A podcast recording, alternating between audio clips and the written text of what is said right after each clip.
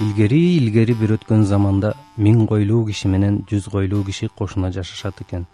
Койлорун балдарына кайтартып жүрөт. Күндөрдүн бир күндөрүндө миң койлуу бала менен жүз койлуу бала чогуу кой кайтарып жүрүшүп чүкө ойноп кетишет. Кечке ойноп жүз койлуу бала чүкөсүн бүт уттуруп бир сакасы эле калат ошондо гана кайтарган кою эсине түшүп койлоруна келсе баарын карыш кыркырып кетиптир үйүнө баргандан коркуп бала бир үңкүргө түнөйт. Курсагы ач ичээрге тамак жок.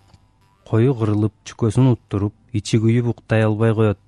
Ошондо сакасын колуна алып сакам сен да жакшы ойнобой койдуң. Мен да жакшы ойной албадым.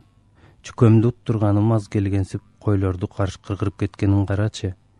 Эми кантип жан сактайбыз эт май сүт кийим кечекти кайдан алабыз?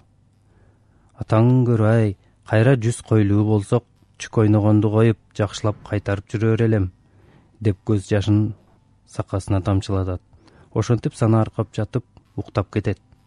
Эртең менен эрте ойгонуп бала көргөн көзүнө ишенбейт. Тегерегинде койлору жуушап жатат. Бала сүйүнүп койлорун айдап үйүнө келет бирок кечээ болгон окуяны ата энесине айтпайт. Дагы кой жайып чыкканда кечээ койлордун карыш кыркырып кеткенин уктап калса койлору жуушап жатканын миң койлуу балага айтып берет. Миң койлуу бала укканын атасына айтат. Миң койлуу киши сыйкырдын баары жүз койлуу баланын сакасында экенин билип дагы байгысы келет да өз баласына тиги жолдош балаңдын сакасын бүт чүкөңдү берсең да бир койго сатып алсаң да алып кел дейт. Эртеси бала бүт чүкөсүн бир сакага алмашып атасына алып келип берет.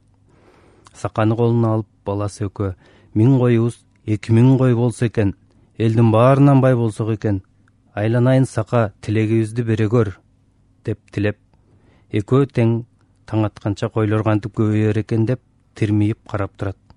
Аңгыча таң да атат. Короого келип койлорун караса миң коюнун бири да калбай кырылып калган көрүнөт. Ошондо ачуусу келип саканы отко ыргытат сака отко түшөр замат жарк этип жалын чыгып жалындын арасынан он эки мүйүздүү бугу чыгып токойго чуркап кеткен экен